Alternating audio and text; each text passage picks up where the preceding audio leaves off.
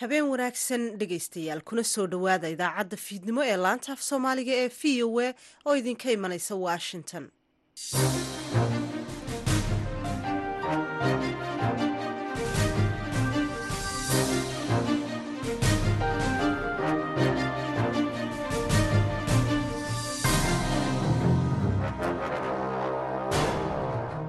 fiidnimo salaaso ah sagaaliyo labaatanka bisha noofembar sanadka labada kun iyo labaiyo labaatanka. Waxaad naga dhagaysanaysaan mawjadaha gaagaaban hirarka efemyada geeska afrika iyo caalamkao dhan ood nagala socotaan bogga internetka ee v o a somaali com. Idaacadda fiidnimo waxaa idinla socotiinaya anigoo ah sahre ciidla nuur waana toddobadii fiidnimo dhinaca geeska afrika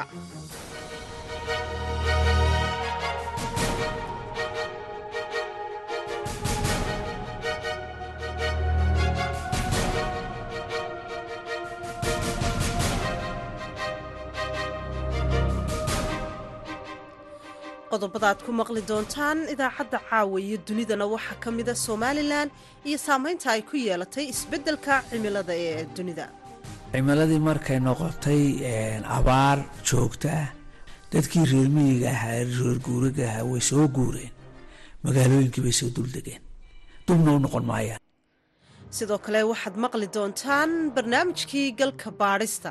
Oo maanta aanu ku eegayno howlgallada ka dhanka ah ururka al-shabaab. Diyaaradahan aan dooliha wadin haddiisan dowrkooda aysan dowr fiican aysan ka qaadan lahayn horumarka hadda dowladda soomaaliya ay samaysa ma aysan samayn lahayn. Qodobadaasi iyo kuwo kale ayaad dhegaysan doontaan marka horese warkii dunida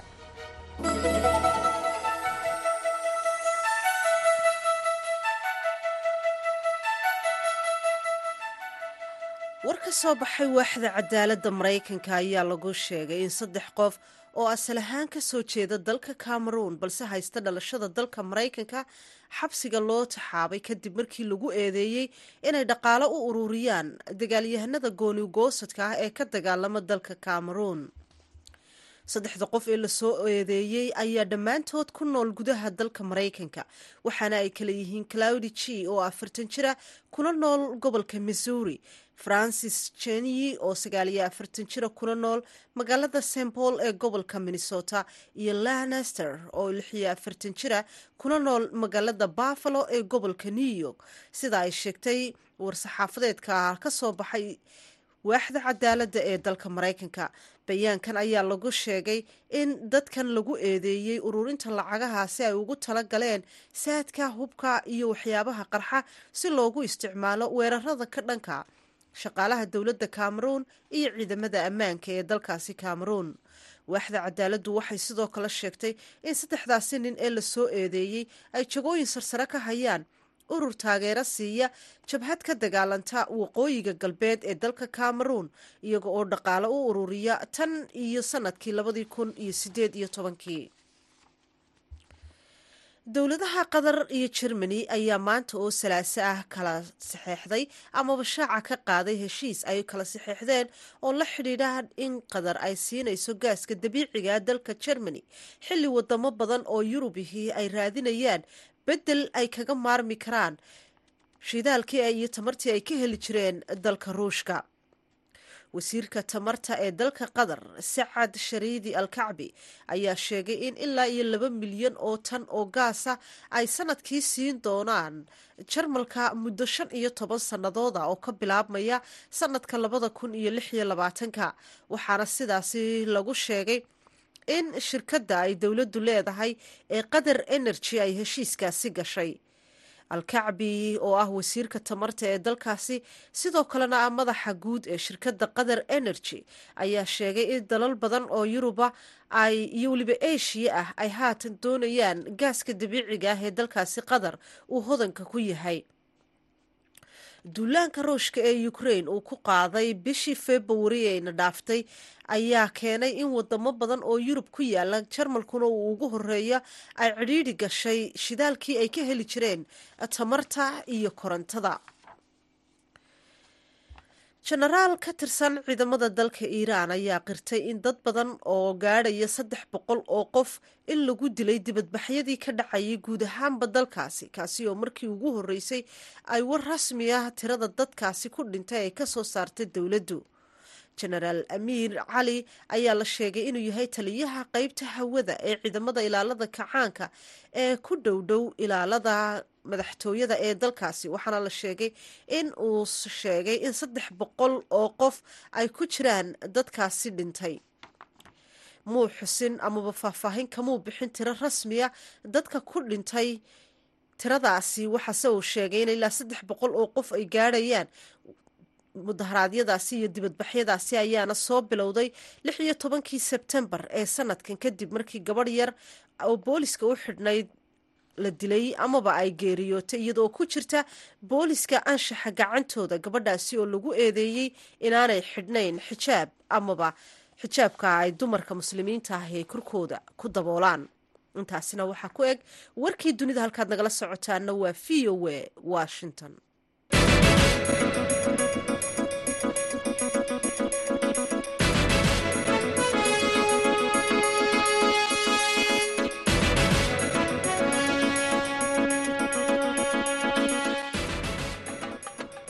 fiidnimo wanaagsan ayaanu dhegeystayaal idin leenahay meel kasta oo aad nagala socotaan. Halkani waa washington. Dhowaan ayay ahayd markii shirka cimilada adduunka lagaga arinsanayay lagu qabtay magaalada sharmasheekh ee dalka masar. Haddaba somalilan ayaa ka mid ah dhulka sida weyn looga dareemay isbeddelka cimilada ku yimid. Warbixintan arrimahaasi ku saabsan waxaa hargeysa nooga soo diray wariyaha v o a khadar maxamed cakule inkastoo dhegaha dadka somalilan aanay ku cusbayn kelmadda ama weedha ah isbeddelka cimiladu haddana inta badan wax xoga dadku kamay hayn islamarkaana waxyeelladeeda amase saamaynteeda waxba lagalama soconin hadda ka hor. Laakiin abaaraha daba dheeraaday isbeddelka dhaqandhaqaale ee guud ahaan miyi iyo magaalaba si siman u saameeyey bulshada somalilan ayaa muujinaya calaamadaha markhaatiga u ah inay dhibbanayaan u yihiin isbeddelka cimilada sida uu sheegayo cali xasan cawaale cali dheere oo ka mas'uula mid ka mida ururada dhinaca samafalka xayawaanka oo xaruntiisu ay tahay magaalada hargeysa. Waxaa xataa la dareemayaa in iska daa dadka ah ay xoolaha qaarkood soo galeen magaalooyinka. Runtii isbeddelka cimiladu waa wax adduunkao dhan ka jira. Somalilan ahaan aad iyo aad baa loo dareemay waxaana runtii ka mida waxyaalaha lagu dareemay xayawaankii oo soo barakacay macnaha waxa weeye xayawaankii deegaankay ku noolaayeen iyo environmentkii bay ka soo barakaceen. Kadibna waxa ay yimaadeen environment kale tusaale ahaan markii abaartii dheeraatay dameerihii waxay soo galeen magaalada iyagoo raadinaya biyo iyo waxay cunaan. Runtii waa saamayn taban oo xaggii xayawaanka gaadhay waxaa kaloo iyana jira xayawaankii wildlifeka ahaa ama xayawaankii duurjoogta ahaa iyagana way barakaceen xataa shimbirihii ayaa guuray oo hayaamay marka waxa weye isbeddelkaas runtii aad baa looga dareemay annagu ka urur ahaan isha ayaanu ku haynaa. Fariimaha dhiilada xambaarsan ee la xidhiidha abaaraha daba dheeraaday nolosha adkaatay iyo arrimaha isbarkan ee inta badan ay yar tahay in bulshadu ay isha ku hayso kagana mashquuleen dad fara badan oo aqoon-yahan iyo siyaasiyiin isugu jira arrimaha siyaasadda. Waxaa ka markhaati ah wasaaradda beeraha ee somalilan sida uu sheegaya cabdilqaadir iimaan warsame wasiirka horumarinta beeraha somalilan oo v o edu ay weydiisay isbeddelka cimilada iyo saamaynta uu ku yeeshay wax soo saarka dhinaca beeraha. Cimiladii markay noqotay abaar joogta ah dadkii reer miyiga ahaa reer guuraga ahaa way soo guureen. Magaalooyinkii bay soo duldegeen. Dubna u noqon maayaan. Miyigeenii hadday beer tahay iyo hadday xoolo tahayba laga soo guuro waaye haddaba sidee baynu isugu xidhiidhinaa oo aan isugu xidhiir u samaynaa inaynu dadkii dib ugu celino? Si aynu dadkii dib ugu celino wasaaradda maxayday beer horumarinta beeruhu waxay go'aamisay inay wacyigelin samayso kow inay tababar u samayso dadkii reer miyigaha laba inay siid u qaybiso in loo maxayday qodo dhaamam yaryar balliyo waaweyn iyo biyihii hoostaba in la soo saaro xukuumaddan uu hogaaminayo muuse biixi cabdi. Waxay go'aansatay. Go'aankeedii hore ee jawdalka ugu jiray waxay qabanaysana waxa ahaa in biyo la helo. Marka imanka awoodda waxaanu saarnay inaanu biyihii roobka qabanno. Waayo waxaynu leenahay boqol iyo konton tog baynu leenahay oo somalilan ah oo boqoliyo kontonkaas way isu tagtagaan. Boqolkiiba siddeetan ay ku biyahooda ku shubaan badda inkasta oo heerarka nolosha ee bulshada somalilan iyo soomaaliduba kala duduwan yahay haddana waa dad meel ku wada nool inta badan marka la eego taajirkooda iyo saboolkeeduba. Haddaba sidee ayaa ganacsatada waaweyn u dareensan yihiin marka la eego isbeddelka cimilada adduunka ka dhashay iyo bulshada somalilan? Waa kan maamulaha guud ee shirkadaha dahabshiil cabdirashiid dahabshiil oo aan weydiiyey waxa ay kala socdaan isbeddelka cimilada khadarow runtii saaad u sheegtay adduunka isbeddel cimilada ah ayaa ka jira oo wadamo iyo dhulal roob ka di'i jireenba maanta abaaro iyo gaajo ay ka jirtaa wadamo qabow ahaan jirana kuleyl bay isu bedeleen marka cimiladaas kala wareegtay ee adduunkii oo dhan aad moodid inuu isbeddel ku dhacay dhulka soomaalidu ay degto runtii aad iyo aad bay u saamaysay. Arrimahaasi markaa waxay keeneen inay noloshii miyiga iyo noloshii magaaladaba ay saameyn ku yeelato. Marka laga hadlaya xag dhaqaale iyo xaggii nolosha caadiga ahaydba. Kuma koobna oo keliya ta dhinaca saamaynta dhaqaale laakiin waxaa muuqata in dad fara badan oo aan si qorshaysan u soconaya ay ugu soo shubmayaan magaalooyinka kuwaasi oo culays dhaqaale marka horeba ay sii haysteen bulshooyinka ku nool magaalooyinka waaweyn ee somalilan duqa magaalada hargeysa cabdikariin axmed mooge ayaa shir weyn oo lagu qabtay magaalada hargeysa dhowaan oo lagaga hadlayey saamaynta isbeddelka cimilada somalilan waxa uu ka sheegay qayladhaan la xidhiidha sida ay magaalooyinku dhibana ugu yihiin. Dowladaha hoose waxay soo jeedinayaan marka talooyin ayay kulankan u soo jeedinayaan. Aynala tahay inay tahay in tallaabooyinkaa la qaado. Marka koowaad dowladaha hoose waxaa ka go-an inay samaystaan nidaam ay ugu diyaar garoobayaan khataraha dhacaya ee soo noqnoqonaya ee ka imanaya dhinaca cimilada adduunka aqoon-yahan badan ayaa ku doodaya in garaadka bulshada oo la dhiso iyo wacyiga bulshada oo si weyn loola socodsiiyo duruufaha dhaqandhaqaale iyo isbeddelka cimilada ee socda ay muhiim u tahay inay wax ka tarto. Waa kan mar kale cabdirashiid dahabshiil oo tilmaamaya doorka ganacsatadu ay kaga beegan yihiin. Khadaro runtii saaad u sheegtay ganacsatada dhammaanteed dhammaan dhulka soomaalida ka shaqeeya ee shirkadda dahabshiil iyo somtelba ay ka midka yihiin. Waxaa ay ku khasban yihiin mar walba in ummadooda marba noloshooda waxay ku soo kordha ay ka qayb qaataan. Xaqiiq ahaan abaarahan gobollo badan waxaanu kaga qayb qaadanay biyodhaamiska waanu kaga qayb qaadanay arrimo kale oo waxtarana waanu ka qayb qaadanay mar walba se waxaa noo ballana inaan wixii aanu qaban karayno insha allah inaanu ka qayb qaadano.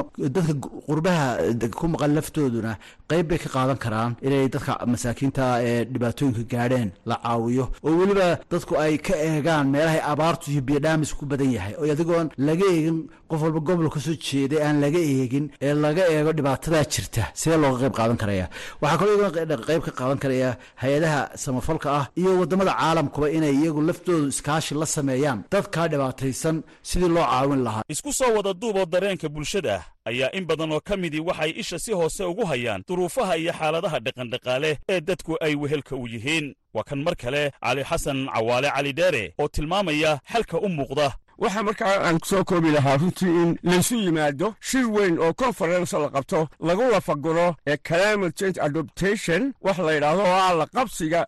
Wadadeban u marana si bulshadu u qabso waa in shir weyn laysugu yimaadaa oo somalilanah oo dhammaan ay ka soo qayb galaan hay'adaha xukuumadda. Si aynu u lafaguro sidii bulshada reer somalilan wacyiga iyo garaadkooda kor loogu qaadi lahaa ee ay ula qabsan lahaayeen isbeddelka cimilada yimi khadar maxamed cakulle v o a hargeysa.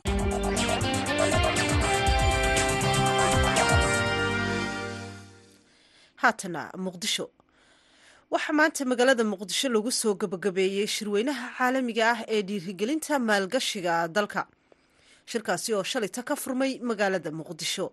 Ujeedadiisu waxay ahayd in waddamada safaaradahooda ku leh soomaaliya lagu dhiirigeliyo sidii ay maalgashi ugu sameyn lahaayeen dalka caashe ibraahim aadan oo washington joogta ayaa la xidhiidhay maxamed dhuubo maxamed agaasimaha waaxda dhiirigelinta maalgashiga ee wasaaradda maalgashiga soomaaliya waxaana uu ka waramayaa shirkaasi iyo waxyaabihii ka soo baxay.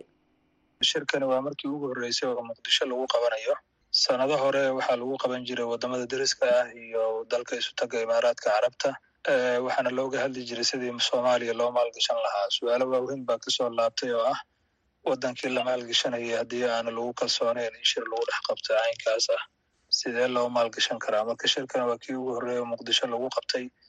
Dad badan oo ajaanib ah oo maalgashato ah danaynaya inay waddanka maalgashtaan iyo kuwo horay u maalgashtay waddanka iyaga naga lagu marti qaaday.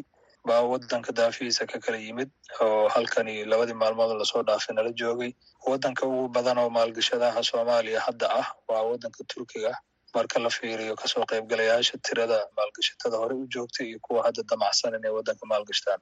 Dadka ka soo qayb galay ee lagu marti qaaday maxaa ku qiyaasi kartaa? Dadka isdiiwaan geliyey oo websiteka iska diiwaan geliyey na tusay inay danaynayaan inay ka soo qayb galaan waxay ahaayeen kun iyo laba boqol iyo konton. Markii aan kala saarsaarnayna kolley waxaan soo reebnay siddeed boqol iyo afartan qof. Dadka in ka badan boqolkiiba konton ajaanib ayay ahaayeen oo waddanka horey u maalgashtay iyo qaar hadda raba inay maalgashtaan iyo kuwa u yimid sahan iyo inay xod dheeraada ka helaan qaybaha dhaqaalaha ee ku mudan ama ku habboon maalgashi ajaanibeed waxyaabaha aad rabteen ama looga hadlay kulanka ee maalgashadayaasha inay waddanka ay soo geliyaan ama ay waddanka ka fuliyaan ama ka samaystaan maxaa ka mid ahaa?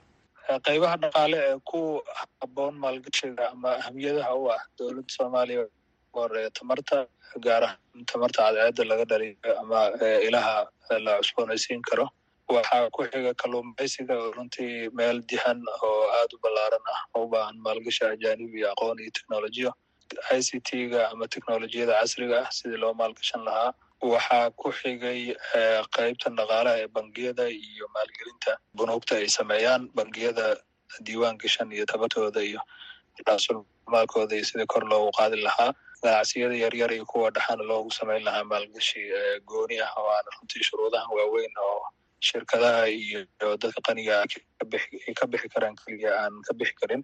Iyo ugu dambeyn waxaa aada looga hadlay beeraha oo runtii lafdhabar u ah daraasaad badanna lagu soo bandhigay.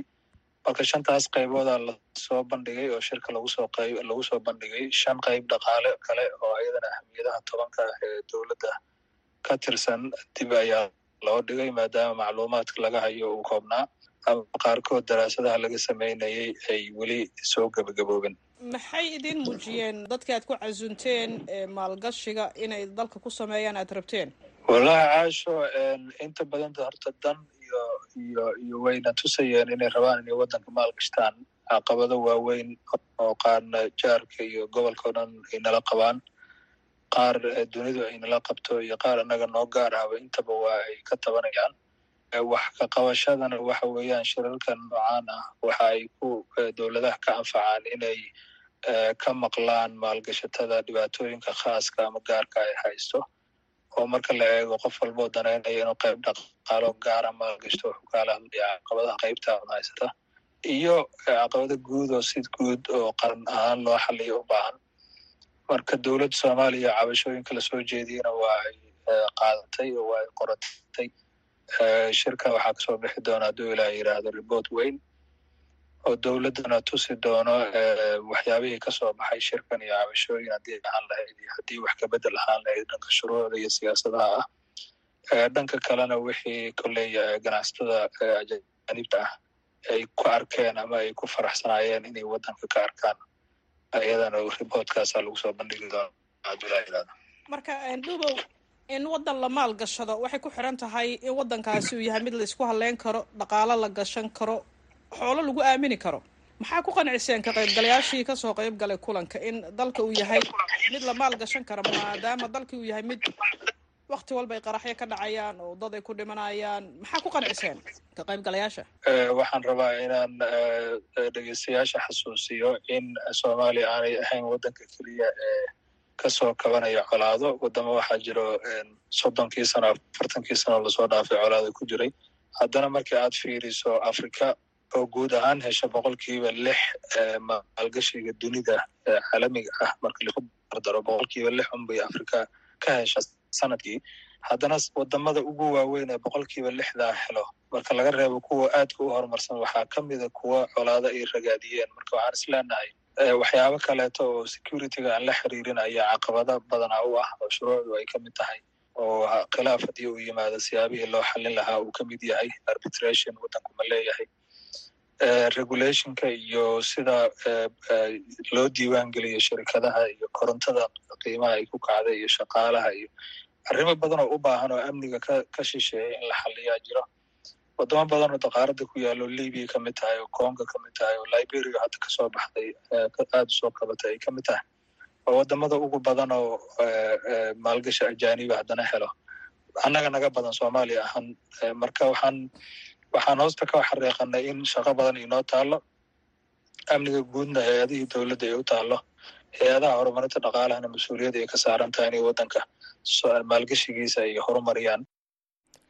Kaasi wuxuu ahaa maxamed dhuubow maxamed agaasimaha waaxda dhiirigelinta maalgashiga ee wasaaradda maalgashiga soomaaliya oo khadka telefoonka ugu warramayay cashe ibraahim aadan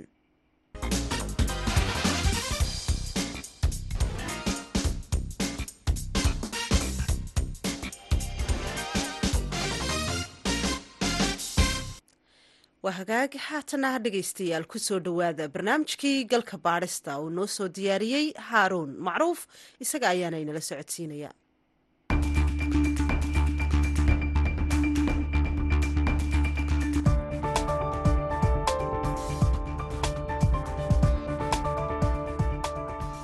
ciidamada dowladda soomaaliya oo taageero ka helaya kuwa degaanka ayaa sii wada howlgallo ka dhan ah ururka al-shabaab kuwaasoo ay ku qabsadeen magaalooyin iyo tuulooyin ka mid ah maamul goboleedyada galmudug iyo hirshabeelle dowladda soomaaliya waxay sheegtay inay gulufkan ku dishay in ka badan lix boqol oo ka tirsan al-shabaab ayna ku dhaawacday kun iyo laba boqol kuna qabsatay lixdan iyo siddeed degaan khasaaraha nafeed iyo dhaawaca ay sheegtay dowladda soomaaliya ma aha kuwo si madax bannaan loo xaqiijiyey wasiirka gaashaandhigga ee soomaaliya cabdulqaadir maxamed nuur oo marar kala duwan booqday furimaha hore ee dagaalka ayaa galka baarista uga warramay sida uu dagaalku u socdo.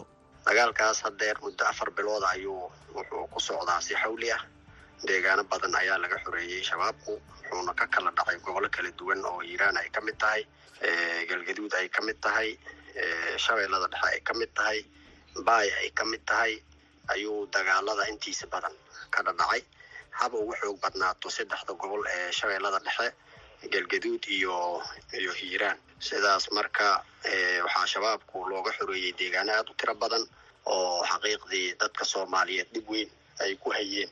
Shabaabku marka guulo waaweyn ayaa laga gaaray iyagana waxaa uga dhintay cadow tiro badan oo maaragta xaqiiqdii ummadda dhibka ku hayay oo in ka badan maaragta toddoba boqol oo askari maleeshiya ayaa meeshaas maaragta uga baxday. Dhaawacyo tiro badan oo kun xagga u dhaafaayana way way way ku dhaawacmeen.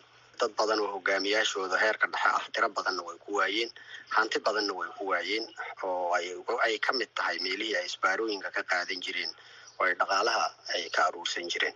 Dagaalada deegaanada looga qabsaday al-shabaab ayaa ka bilowday gobolka hiiraan siddeedii bishii agost hase yeeshee wararka laga helay amnigu waxay sheegayaan inay qorshayaasha dagaaladu bilowdeen bishii juun. Isla bisha juun waxay al-shabaab weeraro ku soo qaadeen deegaano ka mid ah maamulka galmudug. Wasiirka gaashaandhigga cabdulqaadir maxamed nuur ayaan weydiiyey inay dowladdu wadatay qorshe hore iyo inay ku qasbanaatay inay gasho dagaalka kadib markii ay gulufka bilaabeen dadka gobolka hiiraan. Horta gobolka hiiraan dagaalku dowladda ayaa ka bilowday qorshaha dowladda ayuuna ku bilowday guud ahaan. Laakiin waxaan rabaa inaa maaragta marna lagu sidaa loo dhigin oo yacni dagaal oo aanan dowladdu qorshaynin oonan hogaaminin oo aanan maaragta diyaarinin. Meeshaas kama qarxin ta labaad waxay tahay dowladdu madaxweynuhu markuu yimid wixii ka dambeeyey wuxuu hore ka bilaabay in uu awaamiir ku siiyo golihiisa wasiirada iyo xukuumaddiisu in ay u diyaar garoobaan in dalka shabaab laga saaro. Annagu ka wasaarad difaac ahaan qorshe dhammaystiran oo aan marinay golaha wasiirada ayaa jiro oo dagaalkan quseeyo. Guud ahaan ciidamada xoogga dalka soomaaliyeed waxay maaragta diyaariyeen qorshaha guud ee lagula diriraayo cadowga waana socdaa oo hadda kan lagu socdo waa qorshihii dowladda. Marka wax habqan iska ah oo socda ma jiraan. Caqabadaha waxaa la sheegaya inay ka mid yihiin ciidamada danab inay tagaan degaan ay qabsadaan ka soo baxaan marka ciidamada kale ay galaan saraakiisha ciidamada booqanaysa iyo wasiirada laftigooduba ay wataan ciidamo fara badan oo iyaga ilaaliya. Degaanada markay tagaan ciidamo badan ay la soo laabtaan.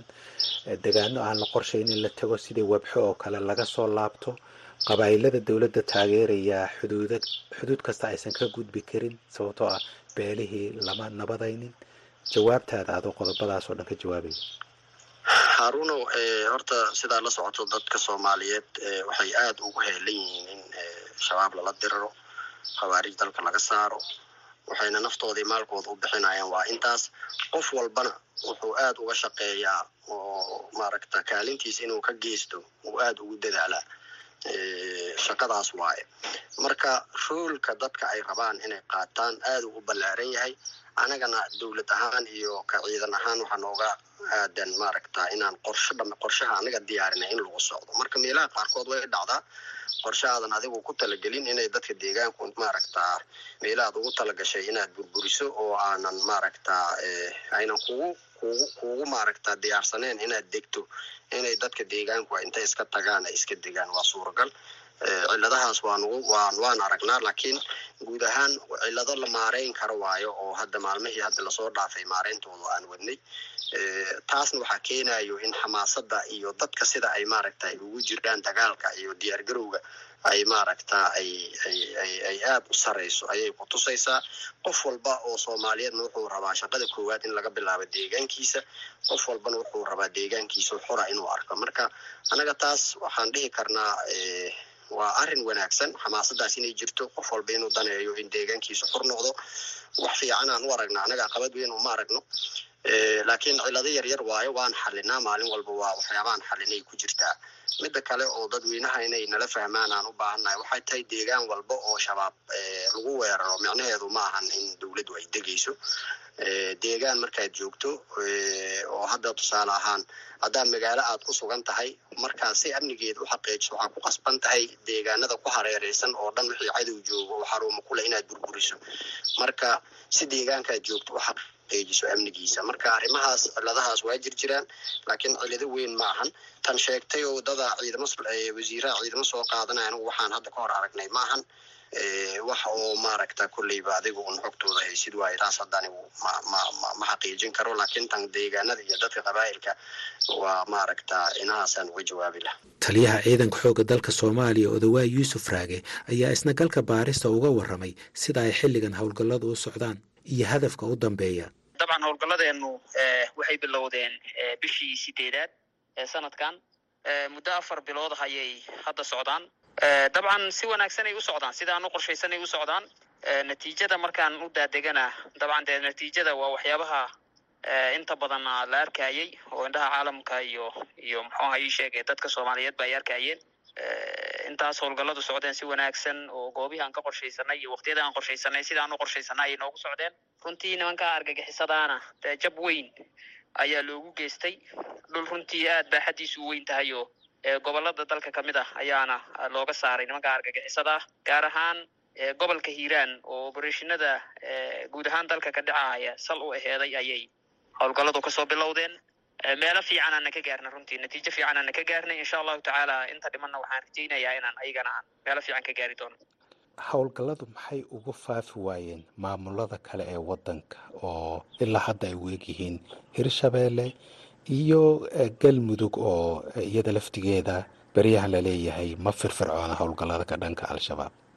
Walaa taasni horta waxa waaye guud ahaan gobollada dalka howlgalladu way ka socdaan laakiin meelba markaas meelba si unbay uga socdaan meesha ay hadda ka socdaanna way ka socon doonaan. Meelaha kaleo weli aysan gaarina insha allahu tacaala waktigii loo qorsheeyey iyo sida loo qorsheeyay ayay u gaari doonaan. Gaashaanla dhexe ibraahim macalin cabdulaahi waa taliyii hore hay'adda sirdoonka ee nabad sugidda ee gobolka banaadir. Waxa uu qabaa in loo baahan yahay inay caddaato istaraatiijiyada dowladda ee howlgallada socda.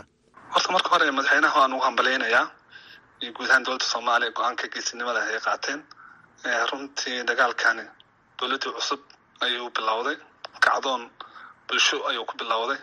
Dowladda soomaaliya kacdoonkaasi ayay xoojisay. Marka istaraatiijiyaddii loogu talagalay iyo haddii qaabeynta wax ka dhiman tahay wakti iyo kacdoonkii maaragtay sidau ku bilowday waxay la tahay waxyaalaha qaar way ka dhinaan karaan. Shaqo xoog lahay dowladda waddaa in arrintaas wixii khaldana la saxo wixii toosanna la hambaliyeeyo madaxweynuhuna waa tii uu tegay si uu dhiirigeliya ciidamada. Dhammaan goobihii maaragtay la xoreeyey oo booqasho iyo dhiirigelin waa ugu ku tegay galmudug iyo hirshabelle maxaa qaldan bay kula tahay? Dabcan haddii oo la galayo dagaal noocaas ah waxay u baahan tahay in de istaraatiijiyad cad oo bilow leh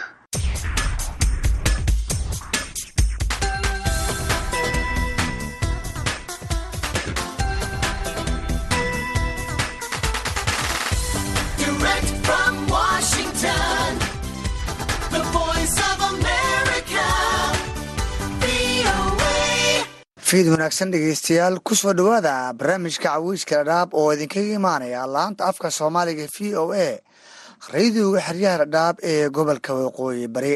Barnaamijka toddobaad walba waxaad ku dhegeysataan laba mawduuc oo ah kuwa ay ugu hadalhaynta badan yihiin bulshada ku nool xeryaha dhadhaab ee gobolka waqooyi bari.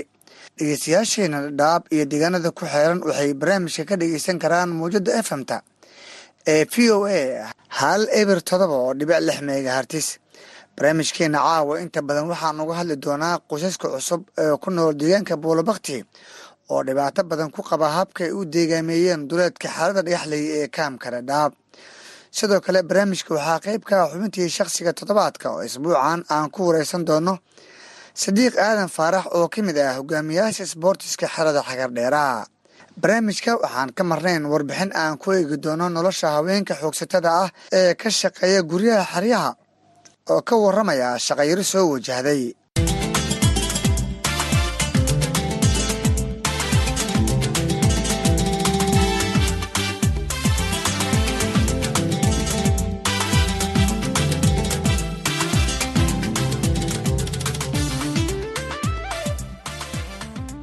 Barnaamijka waxaa idinla socodsiinayaa anigoo ah cabdisalaan axmed cabdisalaan salas oo ku sugan xeryaha dhadhaab ee gobolka waqooyi bari aan ku bilaabo qodobka ugu horreeya ee barnaamijka kumanaan qaxootiya oo ka soo barakacay abaaraha ku dhuftay koonfurta soomaaliya ayaa deegaan ka dhigtay. Duleedka xerada dhagaxley ee kaamka dhadhaab kuwaas oo qaab isku raran ah u degay buulabakti oo ah goobta ay ku nool yihiin qaxootiga ugu badan ee abaarta ka soo barakacay. Qaxootigan oo aan haysan guryo musqulo iyo goobo caafimaad ayaa ku nool dhul cariiri ah oo aan loo qorsheyn. Habkay u degeen siyaad cali gallow wuxuu guddoomiye ka yahay mid ka mid a xaafadaha barakacayaashan cusub ay saldhigteen wuxuu ka waramayaa habkay u degeen iyo culashada ay ku qabaan. Goobaha ay ku nool yihiin barakacayaashan ka soo barakacay abaaraha ka jira koonfurta soomaaliya. Cabdisalaam horta khar la ku siiye haddaad iga weydiisay dhanka qaxootiga wallaahina aadba macaluul fara badan ayaa u taallaa.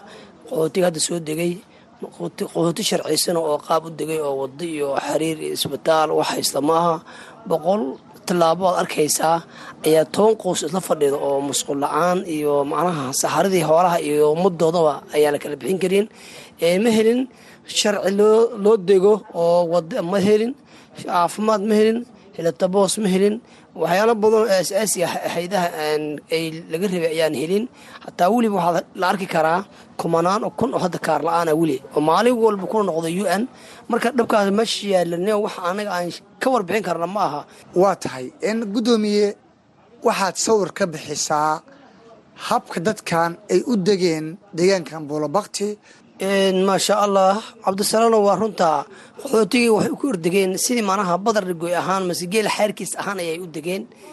Ma laha wadooyin ma laha balaan lagu dejiyo oo biyo ma laha isbitaal ma laha wax walba u qorshaysan ma laha meel loo kala mara hataa asaasiga adeegii ambalaastii meel u marayso mase macnaha markii aad ka war doonto meel aad u marayso ma laha. Marka balaan xunba u fadhiyaan waxaa kaloo gudahay ka galeen lagti haddii caawa macnaha roob uu soo kaco mase kanaa ay soo kacdo meel ay macnaha oga baxaan ma laha. Marka waxay ficnaan lahayd hay'adaha iyo dowladda inay qaxootiga macnaha la qaabalo si sharciysana macnaha balaan loo dejiyo waddo loo sameeyo musqulo loo sameeyo wax walba oo asaasi adeegaha u baahnaa mase qaxootiga hore u helay inay helaan ayaa u baahnaan lahayd absalaano qaabkay u degan yihiin dhibaatooyinka ay ku nool yihiin qayb ayay ka tahay ma la dhihi karaa haa qaabkay u degan yihiin waa qaab iska dego macnaha oo qaab oo sharci ku deganeen weeyo malaha marka isguul ma laha ma laha wado ma laha ma laha masquulooyin ma laha ma xilataboos ma laha meel marka u rooro maanta la dhihi karo meeshan dowlad baa ka dhisan mase hay'ad baa joogta la dhihi karaa ma aha qaabka u fadhiyaan waa marka waxay u baahanahayeen inay macnaha mas'uulka hay'adaha iyo kan dowladda kan kenya kan qaxootiga. Waxaa kaloo jirta haddii laala ay qabato caawo hooye hooyaha ka mid ee fool qabato meel ambalaas marka la lacwa oo manaha ay u soo marayso malaha culeys badan baa meesha ka jiro. Marka insha allahu meesha waxaad arki kartaa in manaha daryeer la'aan iyo caafimaad la'aan hooyada ay iskugu dhimato mase iskugu guurto dad badan meesha ayaa ka jiro. Insha allahu cabdisalaano waxay u baxan lahaayeen sidii manaha qootiga hore loo dejiye ahaan inay u degaan a b c sharci shikshan iyo guddoomiye in loo sameeyo la hagaajiye ayay u baahanaaleen si macnaha ambalaasta ay ku soo hagaagto ninka safarka ugu soo hagaago manaha wax walbo tobida biyo ay helaan isbitaalka ay helaan caafimaadka ay helaan wax walbo qaxootiga hore u haystay inay helaan cabdisalaanow saasa muhiimadda ay ahaan laheyd insha allah. Marka aad joogto deegaankan barakacayaasha ay ku nool yihiin waxaad arkaysaa dhul ka yar konton mitir oo ay ku nool yihiin in ka badan shan qoys taas oo nadaafad xumo xooggan ay ka jirto iyadoo ay ka dhalan karto caafimaad darro maadaama carruurta ay ku saxaroodaan albaabada hore ee cooshadaha ay ku nool yihiin barakacayaashan. Bani aadamnimada waxaa bilow ka ahaa in macnaha waddo loo sameeyo hay'ada loo sameeyo tubo loo sameeyo sidii macnaha sharciga nolosha nolosha waa biyo naftu waa caanaa layidhi haddii macnaha biyo la helin mase waddo la helin macnaha qaabilaadka wuu ka xun yahay. Sida idan insha allah waxaan dhihi lahaa in macnaha dib ay u fiiriyaan hay'adaha iyo dowladda waddi iyo ambalaas iyo isguul ay u sameeyaan. Waa tahay. Dhinaca kale waxaad ka warbixisaa roob xooggan ayaa da'ayey maalmihii la soo dhaafay. Dadkan ma haystaan guryo ay ka galaan dhibacda xooggan ee roobka baahida ka waran ka jirta halkaas ee maasha allah cabdisalaam ummadda ayada haddii hadda dib aan u noqdo oohin dheer baa iga imaan. Habeen hore roobku markuu imaaday waxaa dhacday ina wax alla wixii beeshanaanka joogay dhan ay qaxootiga ay ku kala cararaan islaan iyo cunugeed ay iswaayaan nin naagta ay iswaayaan baloogaha la kala galo waaga markuu baryanaya sidii shimbirtii haddana lasdoonado oo meesha laisugu imaado. Dhibkaasaa meesha yaa ka taagan. Marka bac ma haystaan guri ma haystaan masquul ma haystaan. Wax walbo bani aadanka maanta ee ku noolaan lahaa mase nin walbo bani aadam naftiisa dharrabay dhan baa ka maqan. Hadday imaato waxay ku dhahayacayaan qaxootiga haddii waaga baryana waxay isku imaanayaan banaanka sidii shimbirihi marka meesheeda culays weyn baa ka jiro. Waxaa fiicnaan lahayd hay'adaha iyo dowladda inay si fiican u arkaan oo meesha ay soo fiiriyaan ayaa aad u yaan yaan ka codsan lahaa. Dhinaca kale maamulka xerada ayaa walaac ka muujiyey deegaanka ay saligteen barakacayaashan abaarta naftooda kala soo baxsaday iyadoo maamulka ay sheegeen in kulamo looga hadlayo qaabkii loo dejin lahaa qaxootigan ay yeesheen. Hay'adaha u n h r iyo dowladda kenya oo mas'uul ka ah dhulbixinta. Kan hadda bannaanka fadhiyo waxay u baahan yihiin caawimaad deg deg ah iyo in la nidaamiyo oo qaabkaay u degan naftooda ma aha qaab mataqaanaya oo dad u deganaan kara maaha. Meelaha qaar ay degan yihiin waa biyo fadhi hadduu daad imaado. Noloshoodaba halis ku jirtaa marka u n h r iyo dowladda kenya waxaan ka wada hadalnay dadka in la nidaamiyo laakiinse weli mataqaanaa qorshe oo hadda meel wax ku olah ma jiro. Un-tan way hadashay dowladdan way hadashay. Waxaa laga wada hadlay dadka in meel la dejiyo in wax la siiyo in wax loo qabto waa laga wada hadlay laakiinse weli ficil ma jiro wax ficil oo la qaaday ma jiro. Marka waxaan rajaynaynaa insha allah bilaha soo socda inuu ilaahay isbeddel keeni doono waxaa kaloon rajaynaya aada ugu rajaweynayo in dadkan boonooyin raashin ay ku qaataan la siin doono. Marka haddii mataqaana raashinka ay helaan haddee kolley wixii ku xig haddana insha allah ilahay baan ka rajaynaya in wax wanaagsan ay nala siiyo arrinta ifutu ee qaxootiga in dib loo furo aad ifutu waa la xiray labada kun iyo toban iyo toddobadii ayaa la xiray dadkan hadda banaanka degan oo qaxootiga banaankiisa degan aad buu u fara badan yahay. Ma deganaan karo meesha hadduu degan yahay. Waa meel iska biyo ah waa meel aan loo calaamadin waa meel dowladda raalli ayna ka inay dadka deganaadaan marka dowladda kenya qeybteeda dhadhaab iyo u n h r iyo area m b kulli way wada hadleen waxaan lagu heshay insha allah in ifutu la furo. Laakiinse waa wax waqti dheer qaadan kara taas ayaa laga yaaba inay dibdhac u keento. In mataqaana laba bilood saddex bilood ay qaadato laakiinse sidaad caadiga ah dadkii inta joogay oo madaxdii dowladda dhadhaab level iyo gaarisa level wixii ahaa way ku heshiyeen in mataqaana xiliyaan dib loo furo dadkan mataqaana meesha la dejiya ugu dambayntiina cabdulaahi cali aadan geedow oo ah hogaamiyaha xerada dhagaxley ayaa sheegay in loo baahan yahay in loo gurmado qoysaskan ku dhibaataysan deegaanka buulabakti kuwaas oo aan helin guud ahaan adeegyada aasaasiga ah waxaan ka codsanayaa dadweynaha ee soomaaliyeed oo ilaahay wax siiyey in mataqaana ay soo gaaraan dadkan walaalahooda ah degan buulabakti iyo agagaarkeeda. Waxaa jirtay hay'ad ay wateen dad soomaaliya ah oo kuwait hay'adda kuwait waxyaaba turaata la dhaa maalin dhow aad bay u caawisay dad fara badan. Aad baan ugu mahad celinay madaxeeda guud ee nairobi. Marka waxaan ka codsanayaa inay ku daydaan hay'adaha kale iyo dadka kale islaamka iyo ganacsatada inay ku daydaan dadkaasoo kale ayna soo caawiyaan dadkan dhibaataysan walaalahooda jooga xeryaa dhadhab. Noloshooda wallaahi aad bay uma liidataa shalay waa meesha tegay waxaad arkaysaa dad mataqaanayo geedo meel ku tataagtay oo maryo kor ka saartay. Qaar waxaad arkaysaa jawaamo kor ka saartay qoraxdii cunto ma haystaan biyo ma haystaan musqul ma haystaan guri ma haystaan. Marka taas marka markaad fiiriso nolosha dadka qaar ay ku nool yihiin iyo nolosha dadka ay ku nool yihiin wax isu dhow maaha marka qof kastoo islaam oo danqanaya waxaan ka codsanaya inuu dadkaas soo arko. Wax la sheegay wax la arko way kala badan indhahooda inay ku arkaan. Abaartii mataqan xoolihii waa ka soo dhammaaday dadkan waxba ma haystaan. Beerihiina dee abaar kuwii beeraleyda ahaan ayagana abaar baa beerihii gashay. Marka dadka in la arko oo waxay ku tari karaan ay ku taraan baan ka codsanaya aad ba umahadsan tahay kaasina wuxuu gudoomiyaha guud ee xerada dhagaxley cabdulaahi cali aadan geedow oo barnaamijka martikuha waqtiga ay qaaliban kaga mad celina dhegeystayaal waxaan dhexda kaga jirnaa barnaamijka caweyskala dhaab oo aad ka dhagaysanaysaan laanta afka soomaaliga ee v o a. Iminkana aadinku wareejiyo saaxiibkay axmed cabdulaahi jaamac axmed deere oo sida igula sugan oo barnaamijka qaybihiisa kale inoo sii daadihiya mahadsanid cabdisalaan axmed dhegaystayaal ku soo dhowaada barnaamijka caweyska dhadhaab oo aad ka dhegaysanaysaan laanta afka soomaaliga ee idaacadda v o a waxaana uu barnaamijku si toosa idinkaga imanayaa xeryaha dhadhaab ee gobolka waqooyi bari kenya. Magacaygu axmed cabdulaahi jaamac axmed dheere ku soo dhowaada warbixinno kale oo la xidhiira nolosha qaxootiga ku nool xeryaha dhadhaab oo qayb ka ah barnaamijka caweyska dhadhaab ee toddobaadkan. Waxaa ka mid a qodobada aad ku maqli doontaan qaybtan kale ee barnaamijka. Xubintii shaqsiga oo toddobaadkan uu marti noogu yahay sidiiq aadan faarax oo ah guddoomiyaha kooxaha kooban ee sibansaydhka ee xerada xagardheer oo inuu ka warramaya muhiimadda ay kubadda cagtu u leedahay dhallinyarada iyo sida ay u xalliyaan. Waxyeelooyinka soo kala gaara xilliyada ay ciyaarayaan. Waxaa kale oo aad maqli doontaan haweenka xoogsatada ah ee ka shaqeeya guryaha oo ka hadlaya shaqadii ay qaban jireen oo aada ugu yaraatay xeryaha iyo saamaynta ay ku yeelatay noloshooda. Aan ku bilaabay xubinta shaqsiga sadiiq aadan faarax waa guddoomiyaha kooxaha kooban ee kubadda cagta ee sebensaydhka loo yaqaano ee xerada xagardheer ee qaxootiga dhadhaab sadiiq ayaan ugu horreyn weydiiyey qaybaha kubadda cagta ee ka jira xagardheera haddii aan kaaga waramo qaybaha ay ku kala duwan yihiin sboortsku badan yahay marka la dhaho magaca sboorts waa dalad guud. Aana kuwa volleyboola jira. Sida hadda qolada hadda aniga iga wareysanaysid waa samaseer baa la dhahaa.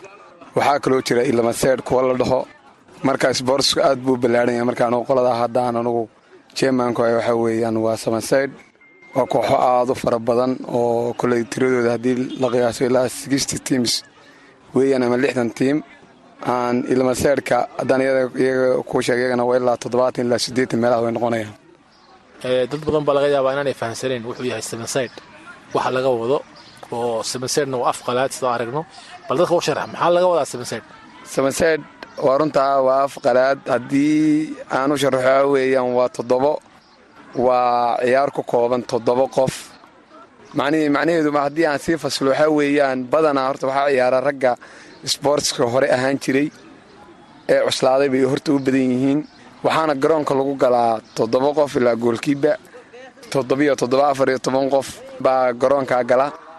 Sifo garoonkuna garoommada kale uu ka yaryahay oo uu ka soo yargaaban yahay badanaa exercise waxay u tahay rag cuslaaday ee ka fadhiistay banooniyada iyo ragga hadda lagu soo jiro ayay u badan tahay. Laakiin ilamasayd waa dad anderaytiin oo iska yaryar oo fudfudud oo hadda haddii la dhaho labada kooxood ha wada ciyaaraan ma wada ciyaari karaan. Waxaanu samaynaa qof kasta oo cuslaada oo ifan xitaa cuslaada wuu imaan karaa wuuna la ciyaari karaa. Isagoo nabad qaba ilaahay baa nabadgelyada bixiye ee buu imaanayaa kana tegaya adigu qaybtan aad u tahay guddoomiyaha oo sebensaydhka bal ka waran duruufaha haysta iyo fursadaha ay haystaan maadaama meesha qaxooti tahay. Marka laga hadlayo dhinaca garoommada fasilitiga tababaradii caafimaadkii haddii qofkii uu waxgaaraan ii sheeg adoo ku horreynaya caqabadaha idin haysta horta aan aad baa mahadsan tahay. Haddii la dhaho caqabadaha lama soo wada koobi karo kole waa dad iska quxuntay marka koowaad. Marka qaybta hadda aan ka hadlayo caqabadaha waxaa weeyaan badanaa dhallinyaradu siday wax u rabaan uma helaan xagga sboortiska waa laga yaabaa qaybo ka mid ah sida ilamaseerhka oo kale in ay wax ka helaan laakiin raggan hadda annagaan maamulla ee samaseerka waxaa weeyaan qayb raggii iyagoo xoogaa la xerada la keenay iyo kuwo ku dhashay intaba iskugu jiraan. Haddii hadda aan ku dhaho baahayaha ay u baahanaya waa iska dareemi kartaa dhallinyaradu markasta waxay jecel yihiin in la gacan qabto annagoo muhiimaddeedu waxaa weeyaan horta marka koowaad inay isdhexgal bulsho dhallinyaradaas ay helaan sifo ay uga badbaadaan sida tahbiibta muqaadiraadka xagjirnimada. Aan kolley arrinkaas uun baanu annagu dhallinyarada ku maamullaa haddii baahiyahooda la soo sheegana kolley kow iyo laba halkan kuma dhamaystir karo laakiin muhiimadda waxaa weeyaan way ku qanacsan yihiin. Dhallinyarada badanna waan ku wacyigelinaa inay sameeyaan exercise inay isdhexgal bulsho sameeyaan inay kaga mashquulaan wax kasta oo maadaama ay dhallinyaran yihiin. Sababi kara inay dabin u soo noqdaan ama loogu soo dhuunto arrinkaas ayaannu kala dagaalannaa. Waxaan kaloo kala dagaalannaa oo aanu samaynaa maadaama ay dhallinyaro yihiin dhallinyaradana badanaa laga wacyigeliyo. Horta qofka bini'aadanka ama walaalka ah ama ku imaanaya ama aad la joogtid markaad aadaysid banoonta ama aadaysid kubadda inaad tegtid adigoo nabad qaba kana soo laabata adoo nabad qaba. Macnaheedu waxay tahay adoo nabad qaba haddaad tegtid waa inaad adoo nabad qaba aad soo laabata oo aad qof walaalkaay oo kale ah dhibaatayn waxna aadad yeelin. Aan sboortska ama kubadda cagtu waa saas saasaanu ku wacyigelinaa haddii ay dhacaan kolley dad meel layskugu keenay aad bay u fara badnaanayaanoo mid xun iyo mid wanaagsan intaba way noqonayaana sharciyo oo aanu ku kala xadidno oo ku kala ilaalino oo yaraynaya dhibaatada aan dhexdooda ka dhici lahayd ayaa noo dejisan markaanu ogaano in falal laga yaabo khalkhal gelin kara ama wax yeeli kara qof isagoo nabad qaba tegey inay wax soo gaadhaan. Sharciyada aan u dejinay maanu ku maamulaa kuwaasaana kala celiya. Annagu dee ma wadanno booliis minino dadka ma xidhno laakiin heshiis bulsho wax la dhaho ama dastuur ayaanu ku kala hadnaa. Dastuurkaasaana kala ilaaliya. Marka dhallinyarada xaaladdeedu waa saas. Inkastoo qaybtiinnan ayayna u badnayn oo qaybta kale ay u badan yihiin waxyeelooyin dadka ay isu geystaan oo ilaa heer dhimasho gaadha. Maxaa sababaya dhallinyaradu inay isu gacan qaadaan kooxa isu laayaan mararka qaarkood? Aan aad baa umahadsan tahay sidaynuuda ognahay hadda xerada aynu ku noolnahay koley dhimasho dad baa ku dhintay oo kolley aynu wada ognahay. Inkasteen in dhoweyd ilaahay naga joojiyey waxaa sababaya baashan horta qabiil ma leh. Aan walaalkaa oo kaa hor yimi oo koox kale oo ciyaaree la dagaalamaysaa maadaama aysan lahayn waxaa sababaya caadifadda markaa ka taagan garoonka ee xamaasadda leh ee taageerada leh ayaa sababaysa. Marka hadda maamulkan intaanu haynay annaga haddaan sabanseedhnahay wax dhibaato oo annaga xaggayga ka yimi ama dadka ka yimi laga yaabaa bulshada meel laiskugu keenay. In dhib ka dhacayo qof jabayo qofka jaba kolley dhallinyarada waanu samaynaa in qofkaasoo kale loo gurmado oo qofku mar hadduu walaalkaa jabo dhallinyaradu ay soo booqato oo qof walba wuxuu awoodo uu ku soo booqdo. Marka aan xaalka sboortska haddaan kaaga warramo waa saas. Waxaa kale oo jira iyana in waxyeelooyinka soo kala gaadhaa tiimka ciyaaraya ama kooxaha ciyaaraya inay qabaa'il gaadhaan oo laba reer isu fadhiistaan oo wax kala qaataan oo gashi la kala qaato. Mararka qaarkoodna xataa beelihii uu khilaaf kala dhex galo ma isku daydeen inay idinka idinku koobnaadaan wixii waxyeelaa idin soo gaadha? Horta axmed aad baa u mahadsan tahay. Haddii aan kaaga warramo arrinkaas su'aasha weydiisa kaaga jawaabo waanu isku daynay. Hawshu marba marxalad bay taagan tahay. Marxalad aanu annagu xakamayn karno qofka biniaadanka xuquuq buu leeyahay.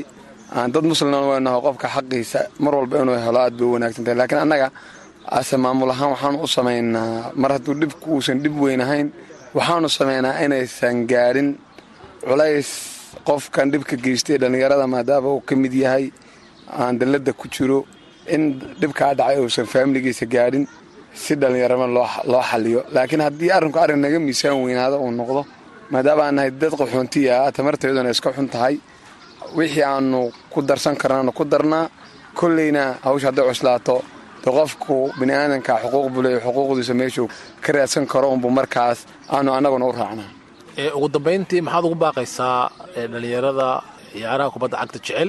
Waxaan ugu baaqayaa aan baasho aad ba u xamaasad badan tahay in marka koowaad nabadgeliyo la ilaaliyo oo laysxakameeyo dhallinyarada leeyahay kolley dhib uu iska dhici doonaa meel dad intaa laiskugu keenay dhibkuu iska dhici karaa. Laakiin haddii walaalkaa khaldamo qofkan tiimka aad la tahay khaldamo adna ha la khaldamin. Badanaa dadka waxaa sababa dhimashada keena waxaa weeye goobasho. Qof khalad uu galay aan la hubsan garabna lagu siiyey ayaa keena. Marka baaqaandiri waxaa weeyaan nabadgelyada in la ilaaliyo sida nafuhu aysan wax aysan u gaadhin culays ka badan oon markaa la qaadi karana meesha uusan imaan. Dadka dhallinyarada ee kale ee aan iyagu ku salaysnayn kubadda waxaan iyagana ugu baaqayaa inay yimaadaan garoomada sifo ay uga badbaadaan xaagjirnimada iyo balwadda iyo tahbiibta intaba kaasi waxa uu ahaa sadiiq aadan faarax guddoomiyaha kooxaha kooban ee kubadda cagta ee xagardheer oo marti iyagu ahaa xubinta shaqsiga oo qayb ka ah barnaamijka caweyska dhadhaab. Haweenka xoogsatada ah ee ka shaqeeya guryaha ee xeryaha qaxootiga ayaa ka cabanaya shaqala-aan soo wajahday. Kadib markii dadkii loo shaqayn jiray ay waayeen lacagihii ay ku siin jireen shaqooyin nadaafad u badan oo ay ka qaban jireen guryaha. Sicirka miciishadda oo aad u kordhay xeryaha qaxootiga iyo dhaqaale xumo laga dareemay dalka kenya oo dhan ayaa sabab u ah in haweenkani ay shaqo beelaan sida ay sheegeen.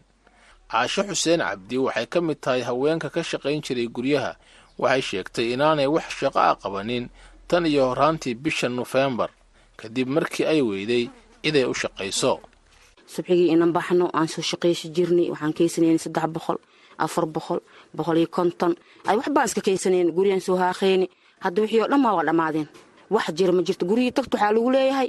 Shaqa mahayna walaalee lacag la'aan deenow ma dhaqay deen ma ku dhex kartaa ilmaa ka tagtay yaa ilma saakiinaa ka tagtay waayo kusubaryaa baxdi waa imaatay ilmihii wax kaa sugayaan. Saas aageedaan anugu haysato magaalada xagar dheere. Mar hore maasha allah shan boqolaan kaysanay afar boqolaan kaysanay saddex boqolaan kaysanay meel bilaan ku dhaqaay. Bishi waxaa iga imaanay saddex kun iga imaanay. Maasha allah raashiinan ku soo gadhiganay wax kastaan samaysanay nin ima biilo wax ibiilo male dibad leyma jiro. Haweenka muruqmaalka ah ayaa ku tiirsanaa dhaqaalaha yar ee ka soo geli jiray xooggooda laakiin hadda intooda badan ayaa shaqola'aan darteed guryaha iska jooga sida ay barnaamijka caweyska dhadhaab u sheegtay. Fartuun maxamed cumar oo ah hooyo haysata toddoba carruura oo ay noloshooda ka kabi jirtay xooggeeda. Wallaahi isbeddel aad iyo aad u weynaa dhace marka hore ciddeeda markaan ka tago magaaladan ka soo shaqaysan jiray haddaan dhar soo dhaqo iyo haddii guri aan soo hagaajiyo iyo haddaan daarad soo xaaqabo. Maasha allah horta maasha allah wuxuu ilaahay noo qadar unbaan iska soo heli jirnay. Ama laba boqol ha noqoto ama saddex boqol ha noqoto ama boqol iyo konton shil ha noqoto. Wax allah waxaan soo helno baa ciddeena u dhiimaa jirna marka hadda magaaladii ayadaa waxumaatay waa karoonahaasuu u dhace sixir barar aad iyo aad u weynaa dhace marka maasha allah alxamdulilahi rabbilcaalamiin hadda wixii oo dhan way isxayireen raashinkii oo qaali noqday adduunkii oo dhan oo cariiri noqday. Marka alxamdulilah hadda markii la baxaa ilaahay aan may walaalay waxba ma haysta iska laabaaba lagu dhahaabo. Qofka hoshiis asaaba qabsanaayaba marka maasha allah kheyrka allahna waafaji ilaahay un baan ka sugahaynaa wax qoysaska haweenka shaqola'aanta noqday ayaa dareemaya saamayn dhinaca nolosha ah sida ay mar kale sharaxayaan fartuun iyo caasho.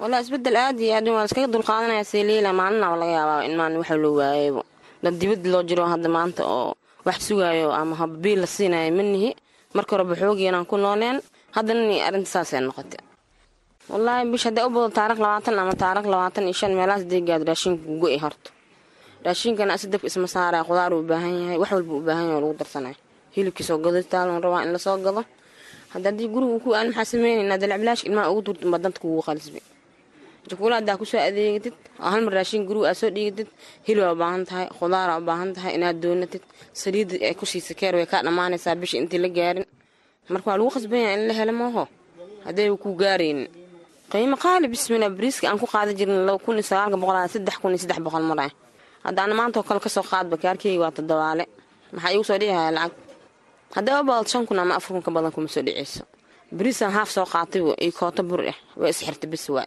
ebelna bariiska iyo sokorta iyo caanihii iyo caleenta iyo adduunkaa lagu soo qaadi jiray. Hadda laakiin laba shay haddaa qaadid shay saddexaad uma dhawaa kartid.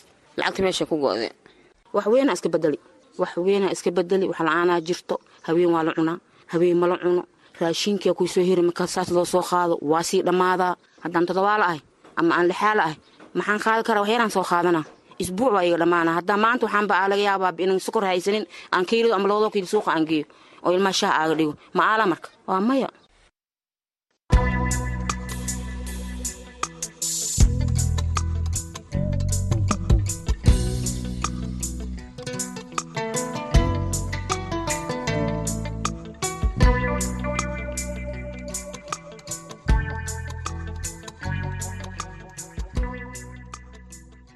dhegaystayaal waxaan intaa ku soo afmeeraynaa barnaamijkii caweyska dhadhaab ee toddobaadkan. Inta aanan ka bixin aan mar kale dib idinku celiyo. Cabdisalaan axmed cabdisalaan salas oo barnaamijka ila daadihinaya. Mahadsaned axmed cabdulaahi jaamac axmed dheere dhegeystayaal haatan ku soo dhowaada heesta toddobaadka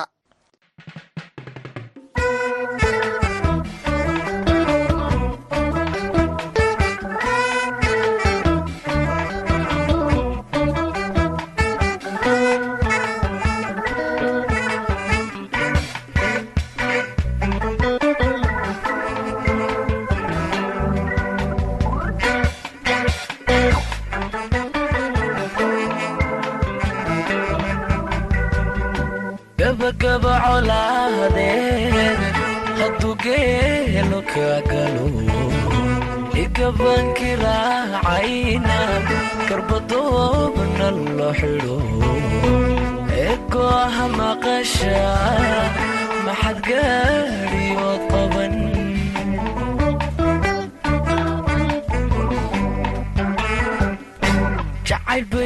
guulo gedasoo kalaanahay igabraarsanahayo gedasoo kalaana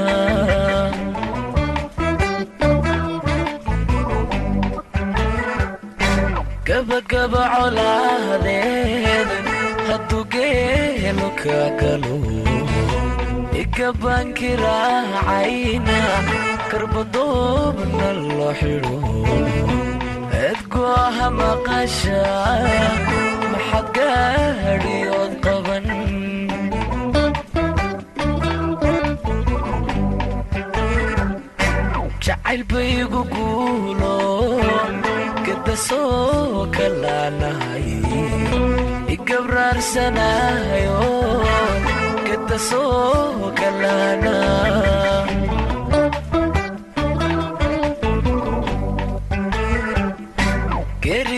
xaq weeye haddaango daraada.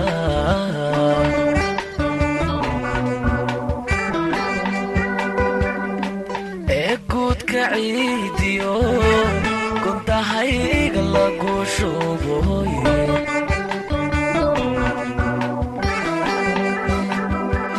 gargaar malaha iilkuye haddaan gaalo habeenimana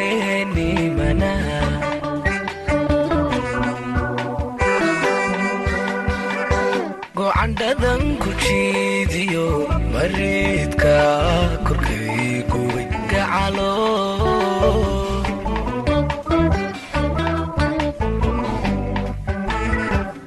go'aye gabiyadan ku noolahay baddaha gooyaheedana imana garowde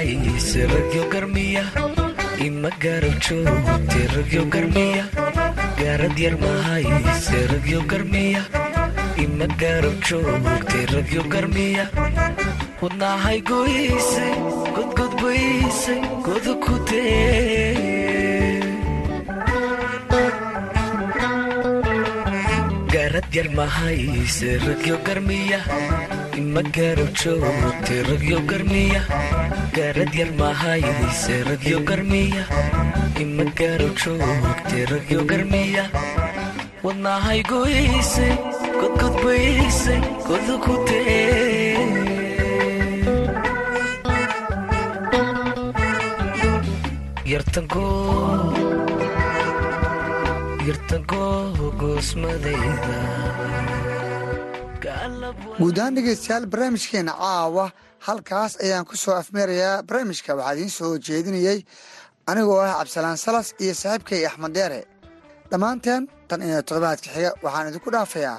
Ammaan alla